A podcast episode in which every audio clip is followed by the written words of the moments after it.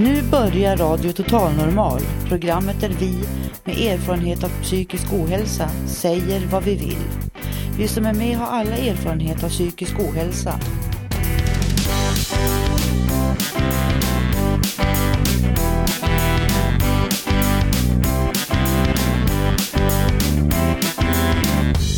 Du lyssnar på Radio Total Normal 101,1. Totalt normalt. Radio Total Normal torsdagar från två till halv fyra. Vi livesänder med publik från Götgatan 38 i Stockholm. Här är alla röster lika värda.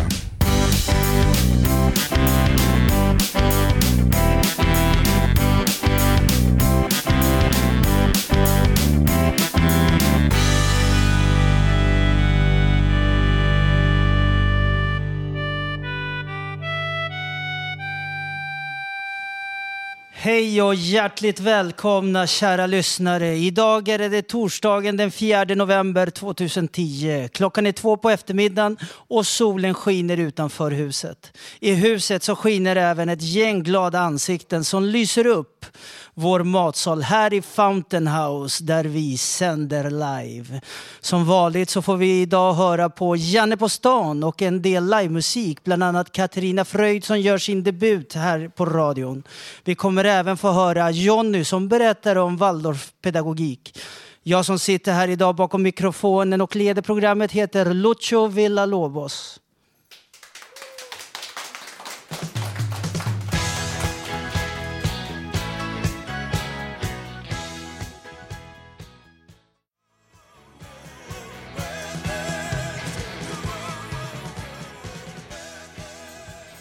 Ja, vårt första inslag idag på radion är eh, Robert N. Varsågod. Ja, hej. Jag har ett debattinlägg här i, eh, i ett försök att förstå vad som sker här i, på, på, på vår jord. Och jag kallar det livets väv. Visst, förr om åren då profeterade indianer och de sade att ånghästarna skulle döda jorden. Indianer och andra, andra naturfolk hörde att jorden skulle dö. För de vita dårarna, de som inte förstod, de skulle försöka förändra allt. Visst, förr om åren, då profeterade de om vår framtid. En framtid när vi tog, tog döden till jorden och när vi sade så gör vi, för han är ju vår vän. Vad ska man säga? Jag vet vad jag ska göra. Jag ska sätta mig här och skriva ner mina tankar runt underverket som är vår jord. Vi behöver allt här. Varje grässtrå är ett under. Varje mygga är nödvändig. Vad ska annars fåglarna leva av om äggorna dör? Vad ska människan säga att vi har kvar? Vad vi förtjänar? Visst, vi förtjänar vad vi sår. Sår vi död så dör vi. Se vad såningsmannen strör. Såningsmannen sår död mitt i vårt sagda och profeterande som fast fantastiska levnadsvarande. Såningsmannen sår död. så död. I, I Bibeln sade det att människan för sin framtid skulle så död. Att vi skulle bygga murar istället för att riva dem. Att vi skulle förbjuda livsgivande utbyte inom kulturer och mellan kulturer. Att vi kunde röra oss fritt över gränser. Att vi skulle säga att det är fel att älska över gränser. Att vi skulle säga så här gör vi. Vi står kärlek. Sedan när den store vänder ryggen till så dödar vi en humla och säger vi är så många. Inte, inte kan väl ni döda oss? Vad ska världen säga? Vad ska världen säga? Schyssta bananer. Vi dödar en som är svagare. Se, se humlan, ja biet, ja grässtrået, där det står i vår skapelse. Se Gud, han är grässtrået. Se Gud, han är haren som vädrar vinden. Se Gud, där, han, där står han och ser med örnaögon bort över alltet. Han ser en björn, han ser underverk. Han gör underverk. Livet står där det står. Och livet måste ha rent vatten. Livet måste ha en framtid. Blå, jorden lever av vatten, av vatten. Blommorna lever av vattnet. Hjorten lever av gräset. Vargen lever av hjorten. Det som sedan är kvar efter festen, det blir till, gröd, grö, till gödning för gräs och maskar att leva av.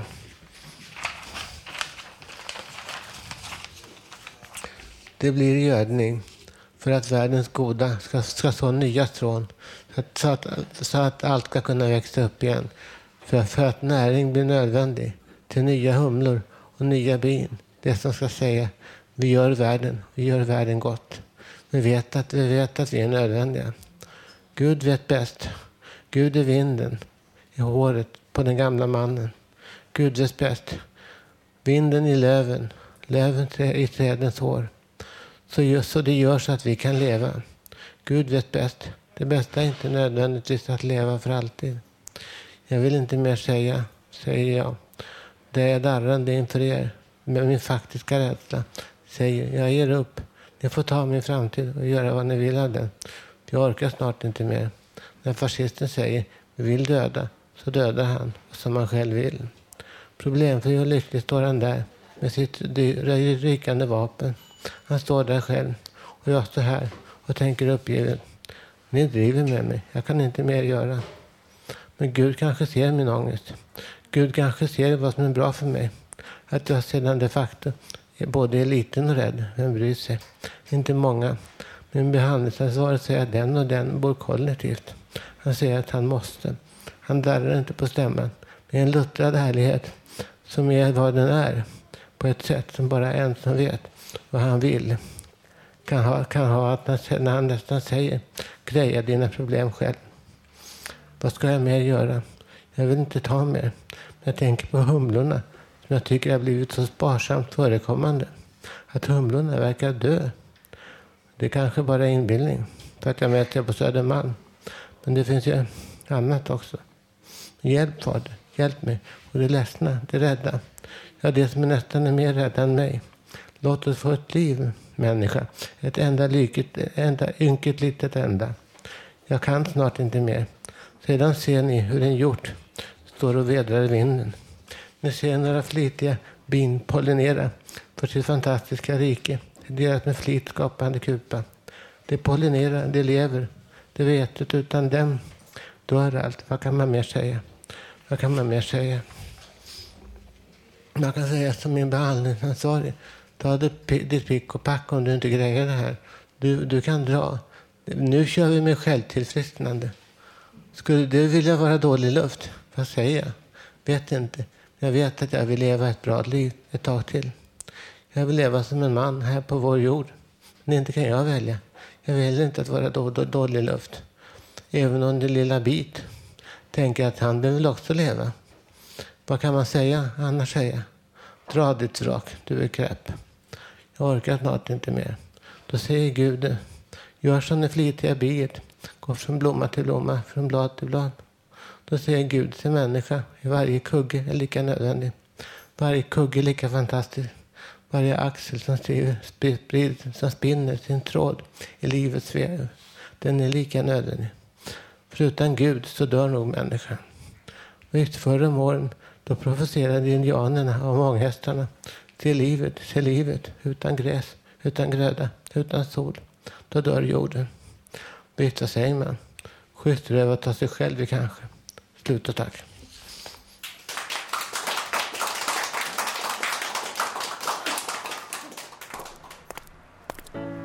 Rakt in från Stockholms gator. Nya frågor från Radio Total Normals reporter Janne. Ursäkta, får jag ställa en kort fråga? Får jag ställa en kort fråga bara? Känner damen någon som är psykiskt sjuk? Entschuldigung, entschuldigung, hallå? Entschuld... Guten Tag. What language you speak? Russian? Ah, eh, Hur gör du för att få må bra? Ingen aning kompis. Nej, men det spelar ingen roll vet du. Om normala människor är tråkiga ja, så är jag så inte mycket. tråkig. Vår lysande reporter Janne Holmbring gav sig i veckan ut på stan för att ta reda på om folk är nöjda med sin barndom. Damen, hur var er barndom? Jättebra. Var det det? Vad roligt att höra att någon säger att det var bra något istället för att allting var dåligt. Då. Det är bättre när någonting är bra än att det är dåligt. Då. Ha det bra då, tack så mycket. Tack. Ursäkta, min herre, ursäkta mig. Hur var din barndom? Ja, den tänker jag inte diskutera. Var den dålig eller bra eller? Det tänker jag inte diskutera med dig. Nej, det får du slippa om du vill också.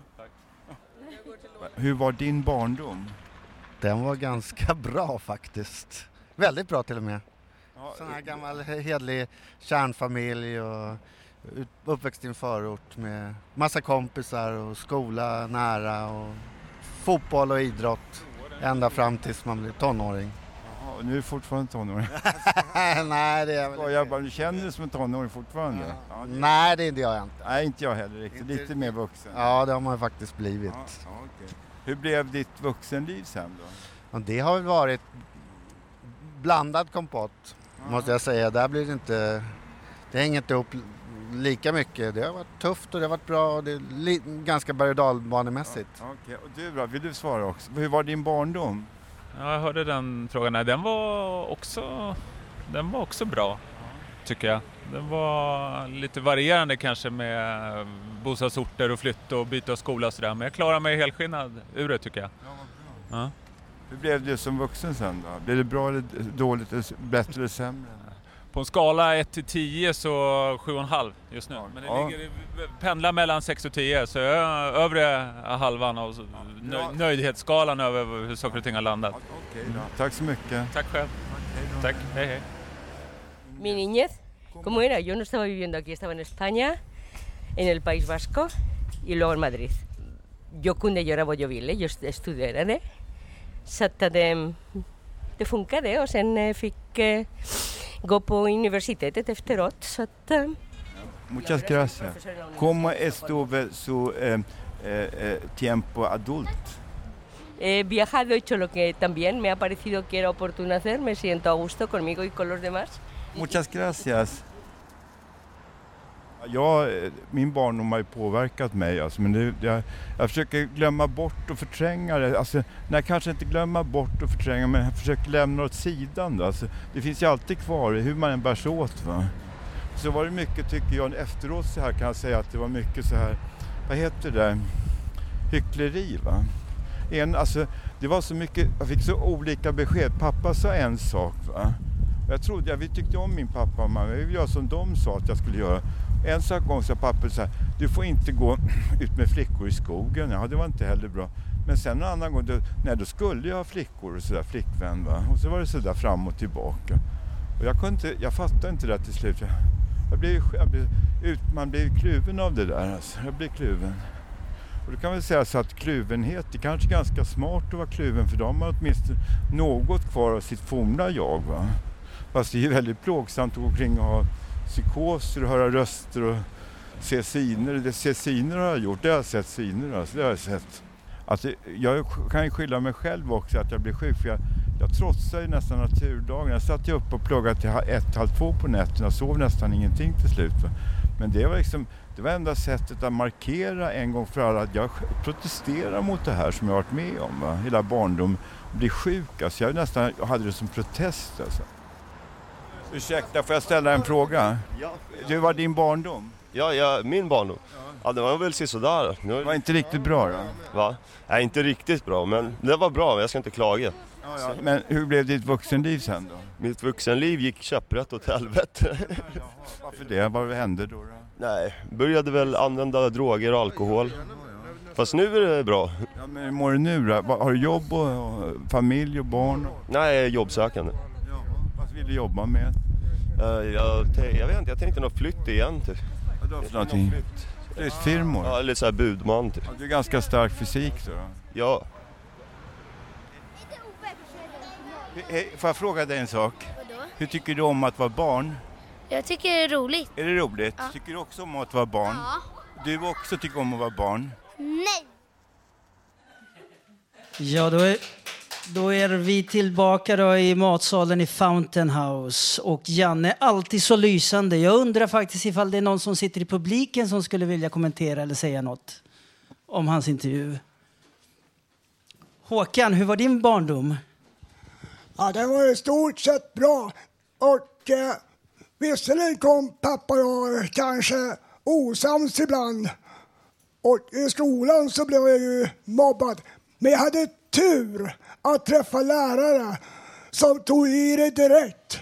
Och jag hoppas ni som är lärare nu, våga gå emellan. För att ni gör det svårare för alla eleverna att kämpa själva. Och jag har väl lite erfarenhet av lite övrig som pappa var på den tiden också. Men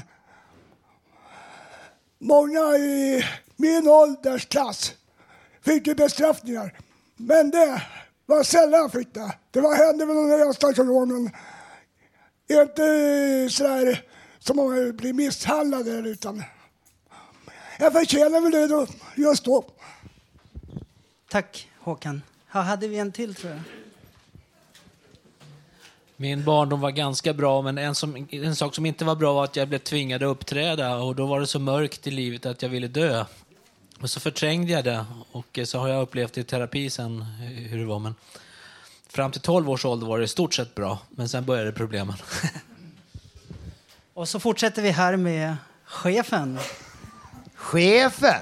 Ja, ska jag säga några ord om min barndom så är det så att jag är född och uppvuxen på en kaserngård. Min far var militär och han kunde inte låta bli att ta med sig jobbet hem. Så att jag eh, hade en barndom som innebar eh, i stort sett stryk varenda dag. Och motiveringen var att har du inte gjort något jävelskap idag så har du i alla fall tänkt göra något. Och under min skoltid så var jag befriad ifrån ämnet lek och idrott för jag var alltid randig bak på ryggen och på rumpan efter slag utav björkriskvistar och annat. Så min barndom var eh, en rätt hygglig resa mot det som eh, slutade i någon sorts utanförskap. Men nu har jag kommit tillbaka in i värmen. Nu är jag på Fountain House. Tack. Tack, Björn.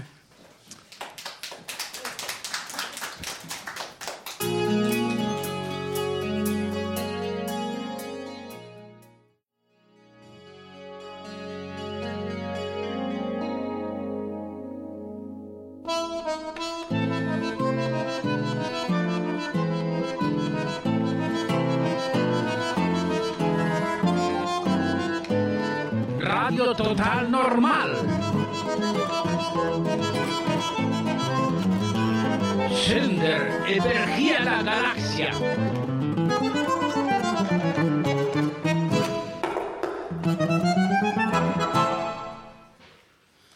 Ja, ni hörde på Capture by the Moment av Steve Perry här på Radio Total Normal. Klockan är 15.25 och vi fortsätter med vår medlem Haider som intervjuar vår volontärarbetare från London, Kavina. Varsågod.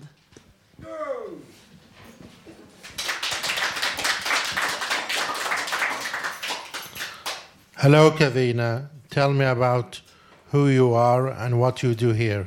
Okay. Um, okay. First, I'd like to thank Fountain House for having me here. Um, well, first and foremost, uh, the reason why I'm actually here is um, I've developed a great interest in Fountain House, and I was fortunate enough to spend three months in New York, uh, the Fountain House there. And I spent three months during the summer and it was my first taste of Fountain House, um, and I hadn't had any experience of working with Fountain House before. So as I spent three months there, um, in, I, in, New York. In New York, that's yes. correct. Um, I was fortunate enough to meet Lucho and um, also Lisa, and um, we so we've developed a friendship, and so I then because of my interest in Fountain House, wanted to find out a little bit more. So, as I'm from London, um, I did go back to London and I went to the clubhouse um, called Mosaic, which is based in London. And uh, sorry, how how many clubhouses are there in London? Oh, I'm, I think there's three in London, but I think there's a total of 300 all over the world. Um, so I thought I would come to Sweden and visit Fountain House here in Sweden. And um, so that's what's brought me here is that there's a real interest there and a real passion for working with Fountain House. Uh, what's your first impression about Fountain House in uh, Stockholm? My first impression is it's very surreal. It's uh, identical to the one in New York. The only thing that's different is there's a language uh, difference, but everything's the same. The meetings are held at the same time. The format is replicated in exactly the same way, which tells us that whatever the model is, it's working because it's I've had experience of now three clubhouses, including the one in London, Mosaic, and again, that is exactly the same. So yeah, it's it's been very surreal. I, I keep thinking I'm in New York or I could be in London, and um, but yeah, it's just the difference in the language. So you knew your uh, way around in Fountain House before you came here? Yeah, I felt I, uh, I felt really comfortable. As soon as I walked in the door, I had some idea of what to expect. Um, I had some idea of what goes on in the units. Um, I did, however, check you out on the website before I came here, so I was I was aware of the fact that you had three units here. So yeah. Uh, can you tell me about your job? Yeah, sure. Um, I'm a social worker in London, um, and I've been working uh, in and around the umbrella of social work for probably about six or seven years now.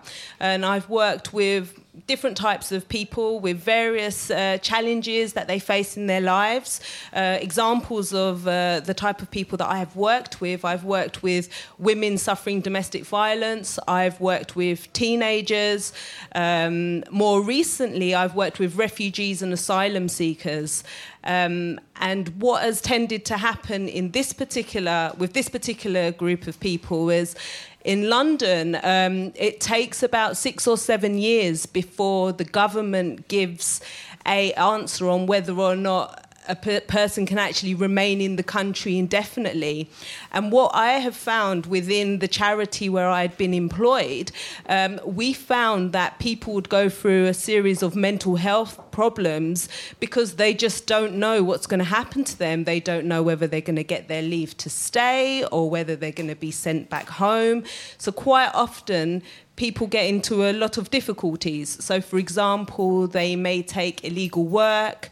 Um, people often get lost in the system. If they get married, their names change. Uh, people fall pregnant. So there's a there's a lot of areas which people disappear.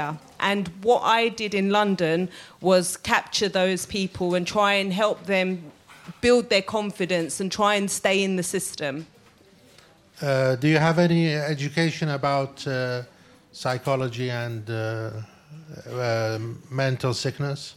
Um, my background is actually I've got a media and communications degree, which is my BA, and I've got a postgraduate in careers education. So I spent a lot of time in schools and universities providing education on integration into society, looking at various forms of how we integrate with people, which brought me to helping uh, refugees and asylum seekers. Because one of the things that we found that we needed to do was introduce English classes and very simple things. I mean, quite often the government brings people over and says, okay, you have a place to stay, but then we forget that there's a language barrier, there's cultural differences, there's religious differences the food is different, how you go shopping is different.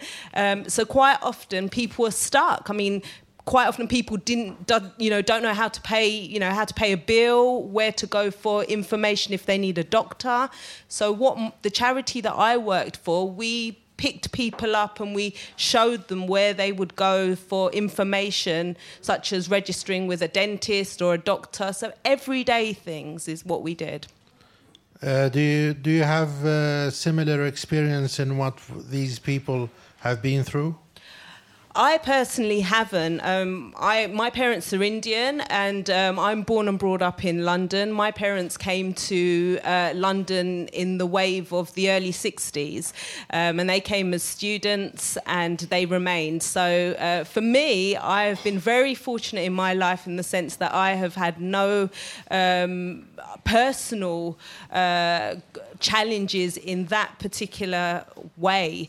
But I think through my experience of meeting people from various parts of the world, um, I've begun to understand uh, the challenges that people face, but I will never be able to really be in their shoes. All I can do is provide a support mechanism and be kind to people. I think what people definitely face is that they come to I'm talking about London in particular, and they come to London and there's just lots of people in suits and everywhere they go for information. They're, you know, quite often spoken to very fast, so they don't get the language. And they often feel quite down and depressed and quite isolated. And so for a small charity where I work, it was really important that we were kind to people and we smiled and we offered a place of safety where people could come and you know, and we didn't wear suits, we wore casual clothes, and we tried to break down those official barriers. Um, yeah.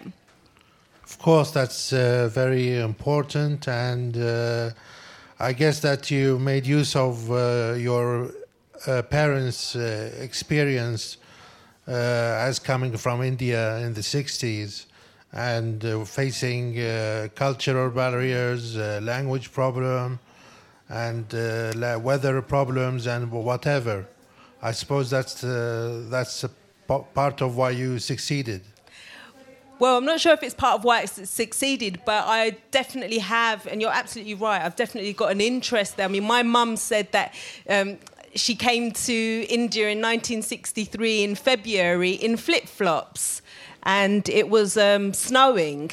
So you can just imagine that you're getting off the plane. In them days, you would get off the plane in, you know, on the tarmac and then walk to the airport. And she's like wearing her flip flops, coming from like, you know, 40 degree sunshine. Um, and yeah, looking for um, looking for a place to live was often quite difficult. I mean, they were my parents used to walk around and they used to say to me there would be signs um, saying vacancies for rooms. Um, but the people that couldn't apply were no dogs no irish um, no coloreds and uh, you know so there was various discriminations even though there would be a vacancy board there. Um, so yeah they, they had their they had their challenges as well. And um, but fortunately, they, they made it. They made it through, and um, and they, have managed to settle. And and, and my mum is now just over seventy, and so my mum came in her twenties, so she has spent over half of her life in, in London now. So that that's her home now. So. Thank you very much, Kavina, and uh, I hope you succeed more in your future. Mm. Thank you so much. Tack. Tack Haider och Kavina. Ja, även här på Fountain House så är det vintertid. Klockan är alltså inte tre utan 14.35 för att vara exakt. Vi fortsätter nu med eh, Håkan Eriksson. Varsågod Håkan. Ja, det här ämnet som jag ska prata om är nu en information till er lyssnare. Jag döpte till den sjätte november som eh, gruppen Striper körde en gång. Men slumpen gör att den dagen är en lördag. Då händer nämligen så är det premiär på Mina drömmars stad av Per Anders Fogelström. Det är en musikaliskt kärleksfull, politisk och allvarlig dramatisering om stadens förvandling och människornas och deras villkor då och nu. Så följ med på ett svindlande äventyr med massor av levande musik, dans och sång i denna roliga och lite galna föreställning på Teater Reflex i Kärrtorp. Dit åker ni tunnelbana mot Skarpnäck. Ni bokar biljetter genom www.teaterreflex.se eller boka på telefon 073 5927 408. Alltså, det var allt jag har för tillfället. Och jag hoppas att det är många som kommer. Ha en fortsatt trevlig kväll här på Radio Total Normal.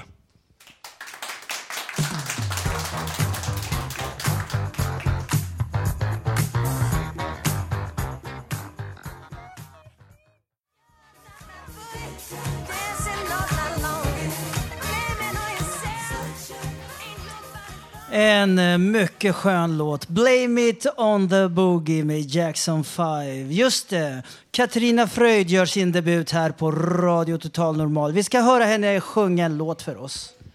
Hej, jag har skrivit en text som jag har kallat Att duga som man är. Melodin har jag lånat. Jag tänker ofta på hur människor agerar och hur vi reagerar tillsammans med varann. Det ställs så många krav på att vi ska prestera, att allt ska resultera i något som vi gjort. Kan vi inte få vara precis som vi är bara? Jag menar, kan någon svara på hur allting ska vara? Att kunna se det lilla, att inte göra illa det borde vara det rätta för både dig och mig. När vi går ut i livet finns inget manus skrivet hur vi ska leva livet från början och till slut. Men ändå finns det färdigt i papper och tabeller som visar vad som gäller och hur vi ska se ut. Det börjar redan tidigt, vi vägs, vi mäts, vi kollas och mellan tester bollas vi sedan hit och dit. För det är väldigt viktigt att allt blir rätt och riktigt, att det i pappren stämmer den dagen vi somnar in.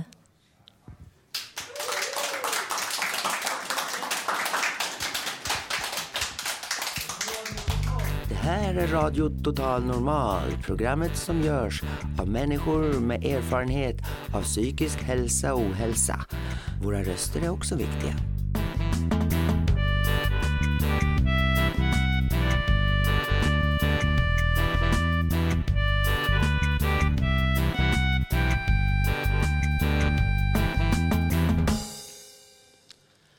Radio Total Normals reporter Johanna Andersson har träffat författaren och filmaren Beate Grimsrud som nyligen har kommit ut med en bok, En dåre fri.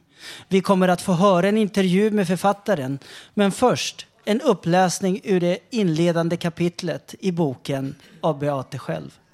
En dåre fri handlar om norskan Eli Larsen som från sin tidiga barndom lider av psykiska störningar men den handlar också om kreativitet och om psykvårdsapparaten.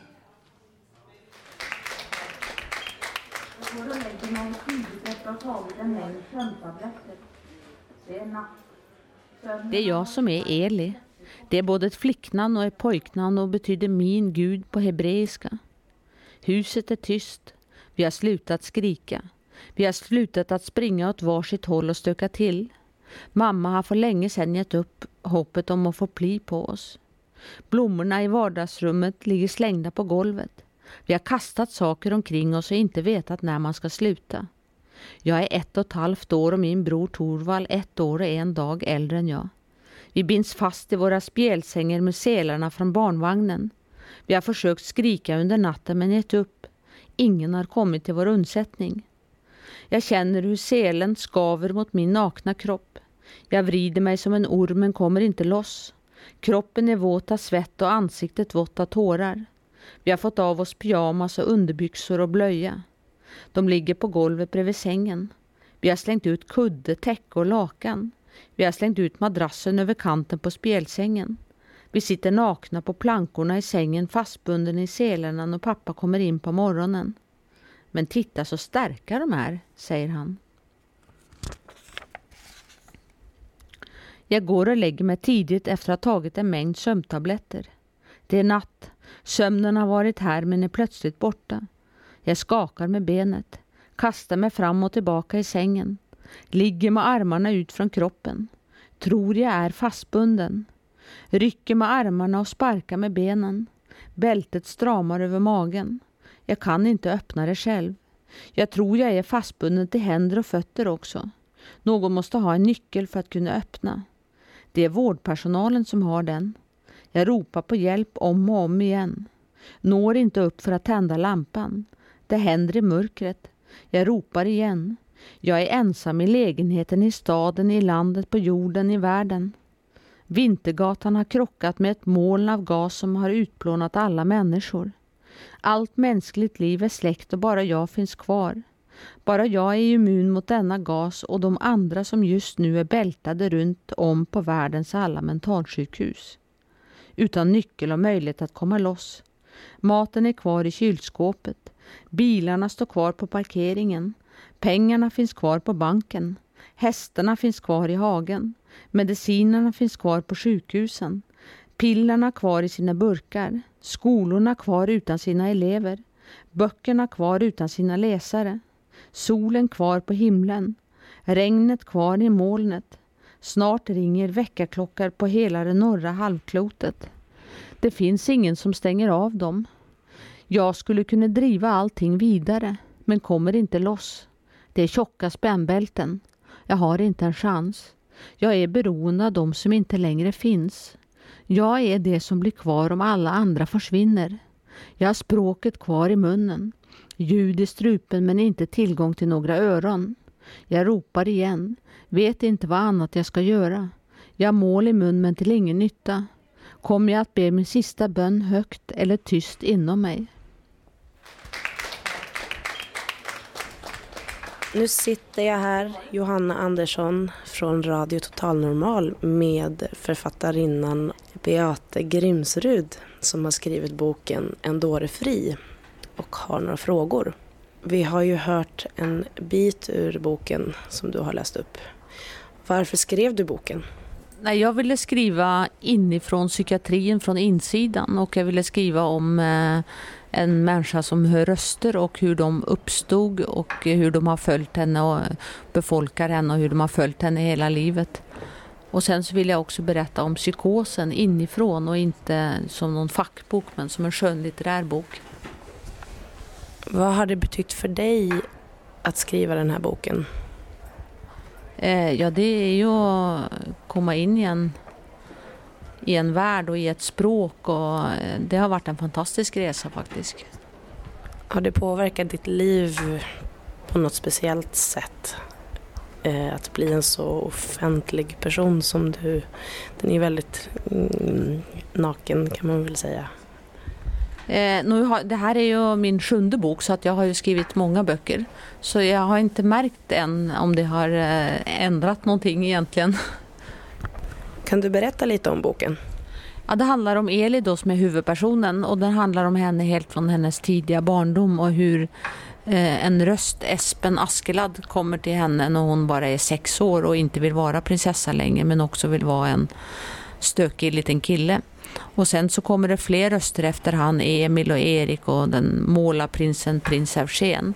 Så det handlar om när de här rösterna kommer till henne och sen så handlar det om hennes enorma, det är en ganska ljus bok för den handlar väldigt mycket om hennes enorma eh, självkänsla och skaparkraft och kraft att skriva och filma och berätta och så det är en ganska, det är på trots av att den handlar om mörka sidor inom psykiatrin så handlar den också om väldigt ljusa och kraftfulla sidor i en människa.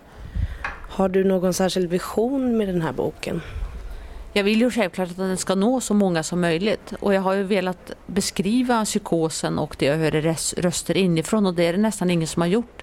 Och det på ett eh, poetiskt och häftigt språk. Och jag hoppas ju att eh, människor inom psykvården läser den och, och, men jag hoppas ju att alla människor egentligen läser den och jag har fått respons på det i recensioner och så att de som har läst boken plötsligt ser på människor på ett annat sätt och då känner jag att jag verkligen har uppnått någonting om man börjar titta på människor med en annan blick efter att ha läst boken. Tack så jättemycket. Johanna Johanna Andersson intervjuade Beate Grimsrud om boken En dåre fri. Mera livemusik här på Fountain House. Plats på scen, eh, Tommy. I mitten på 80-talet så blev låten L'amour en héritage en fransk låt. Alltså den översätts med Kärleken går i arv. En stor hit i Frankrike.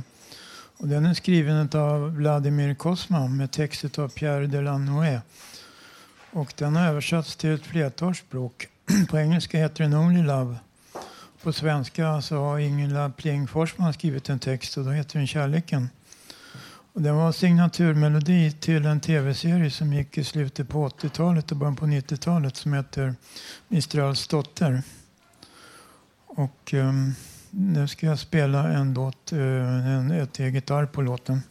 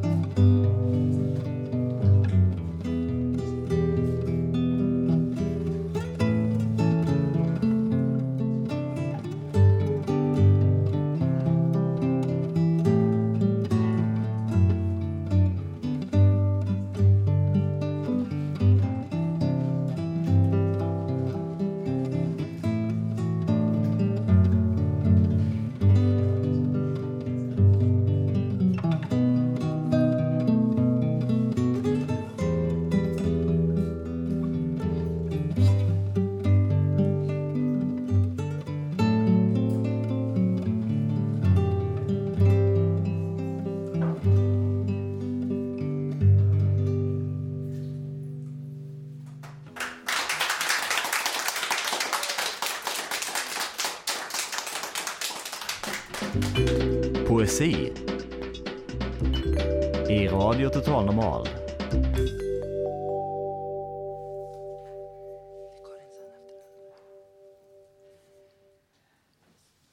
Nu ska vi få höra Karin Lundgren läsa en dikt som hon själv skrivit. Den heter Gubben enögd. Jag ska läsa en dikt som heter Gubben enögd. Och jag har skrivit den själv och jag heter Karin Lundgren. Iväg rullade ögat, som sett för mycket. Hamnade strax under en vass stövelklack. Splash! Inte ens en välgödd kackerlacka hade kunnat ge ifrån sig ett ljudligare dödsskri. Äsch, sa gubben enögd. Nu behöver jag bara se hälften av eländet. Hälften av svälten och hälften av miljonärerna. Sicken lycka, sa gubben enögd. Ty det är ju så som också gubben enögd ser på saken. Att har man blott hälften att oroa sig för så ligger man också blott till hälften om natten vaken. Sicken lycka, sa gubben enögd. Och det är jag nog fan inte ensam om att tycka, fräste sen den gubben ur sitt rossliga svalg och tryckte sen in ett öga som var gjort av emalj.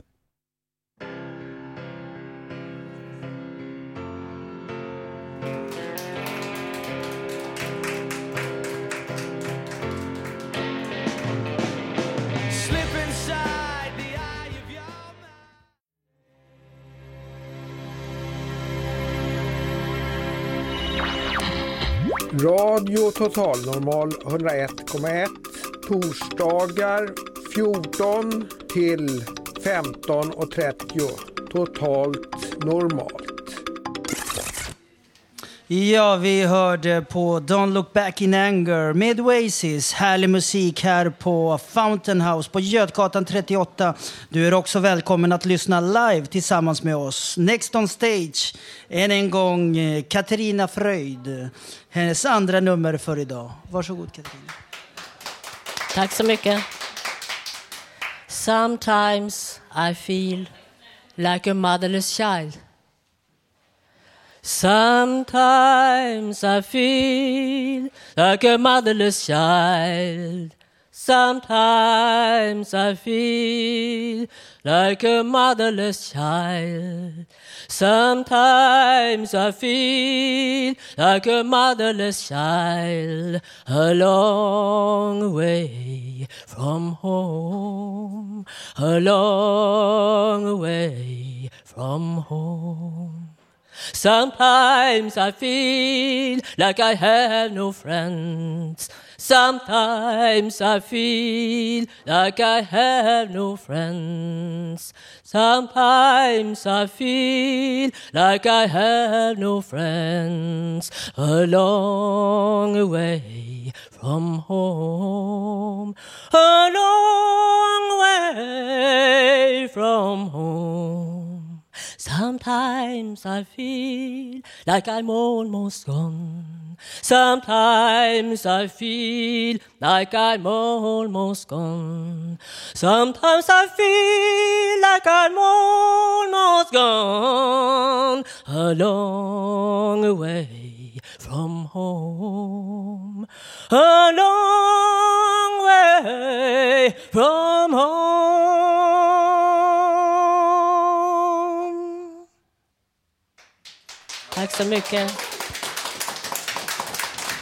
Tack, tack.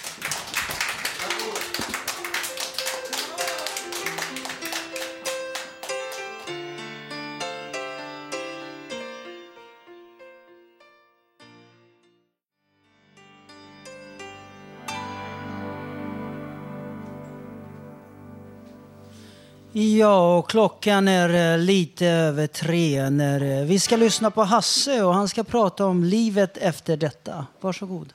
Tack. Jag är Hasse från Hässelby och eh, i dessa dagar när allhelgona helgen står för dörren så funderar man på döden. Det kanske man inte borde göra utan bara leva utan att fundera på det, men jag kan inte låta bli. Jag har skrivit en dikt som heter Livet efter detta. Ibland så tror jag att det är slut när man dör, men ibland så tror jag att det finns en fortsättning. Och det trodde jag när jag skrev den här dikten. Livet efter detta. Dödens rum, en total förintelse, endast en bild. Ty förintelsen fanns endast innan vi föddes. Alla som erhåller livet får gåvan att leva evigt. Kropp förgänglig, själ och ande och evighetskroppen är vår utrustning. Det har vi gemensamt. Beviset på detta är upplevelsen av den kontakt med andra sidan som känns verklig och är det. Tack så mycket. Tack, tack.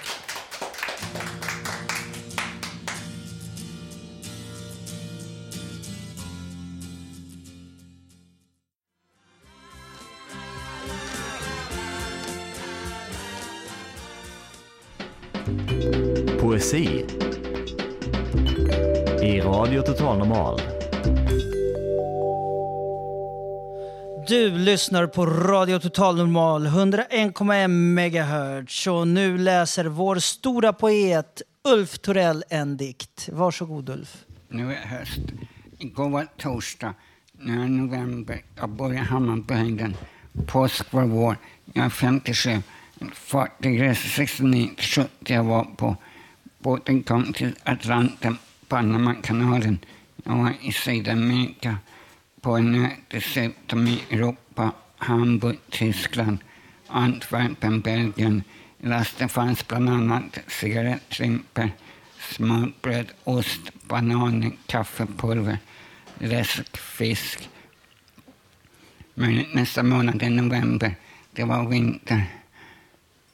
Idag är fredag. Förra månaden var september. 2010. Och så är det fredag 29 oktober.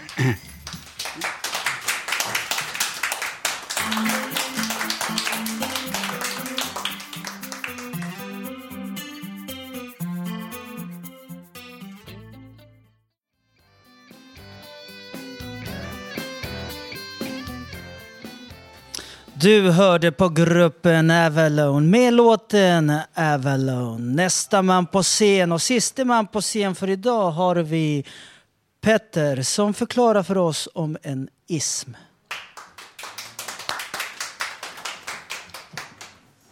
Tack. En. Ja. Tack. Jag... Ursäkta att jag suckar, jag har fått klagomål för det. Men, Eh, jag vill berätta, först vill jag ta en eh, rolig, jag vet inte om den är rolig, men en historia i alla fall. Innan jag går in på ismerna. För egentligen så finns det bara en ism kvar. Och det är kapitalismen. Och det hoppas jag, vilket jag själv kommer få drabbas av säkert, att den, den är den sista ismen som kommer falla. Halvprofetiskt sagt då. Sen vill jag bara dra en, eh, en rolig historia då. Om, jag vet inte om den är så då. Och det, det är kanske om vi har tur ersätts av humanism. Humanismen alltså, eller... Eh, och... Eh, eh, Alltså i den här byggnaden och hos människorna här som sitter, i var och en av oss och egentligen i alla människor, så finns det en enorm kraft. Och då har jag, påstår jag alltså att eh, härifrån i vår kommer starta en revolution. Jag vet inte hur det kommer gå till, men det kommer att ske i alla fall. Och då kommer folk sätta sig med armarna i kors i två, två timmar och se kapitalet falla. Jag är själv, en- jag kan erkänna det, jag är själv en kapitalist. Alltså. Jag är uppvuxen i en borgerlig miljö. Men jag, jag ogillar starkt när pengar ska få styra hur folk mår. Och eh, som avslutning då vill jag dra ett roligt, ett skämt. Eh, eh, så bara avrunda här liksom. Apropå en präst och en golfspelare som är ute och spelar golf. Och den där vanliga golfspelaren, han missar bollen hela tiden. Så han sa, fan också, jag missar bollen. Helvete också. Nu går vi in på något helt annat där, men det, det är så i, ibland. Och så sa prästen så här, du får inte svära så där, det kan gå dig illa. Tänk på vad du säger. Och då sa den där vanliga, då sa den där golfspelaren igen också, han missade bollen igen, och så han sa, fan också, jag missade bollen.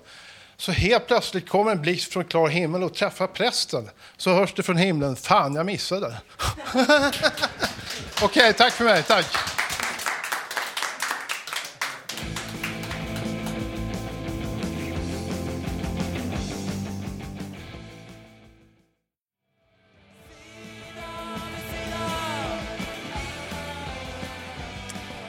Ja, vi hörde Petter säga några tänkvärda saker om ism och vi hörde Ebba Grön och låten Staten och kapitalet. Klockan är fem i halv fyra och vi har kommit till slutet av sändningen. I dagens program har vi fått höra livemusik, poesi och en massa personliga intressanta texter. Nästa torsdag kan du höra oss igen då vi sänder som vanligt med publik här från Fountain House på Götgatan 38 i Stockholm. Fram tills dess kan du lyssna på oss på webben www.radiototalnormal.se. Där kan du också skriva gästboken, komma med förslag och gå in på vår Facebook-sida och titta på bilder. Tekniker idag har varit Gustav, Gustav Sandén, producent var Hanna Samlin, Projektledare Bodil Lundmark och jag som är dagens programledare heter Lucio Villalobos. Tack för mig.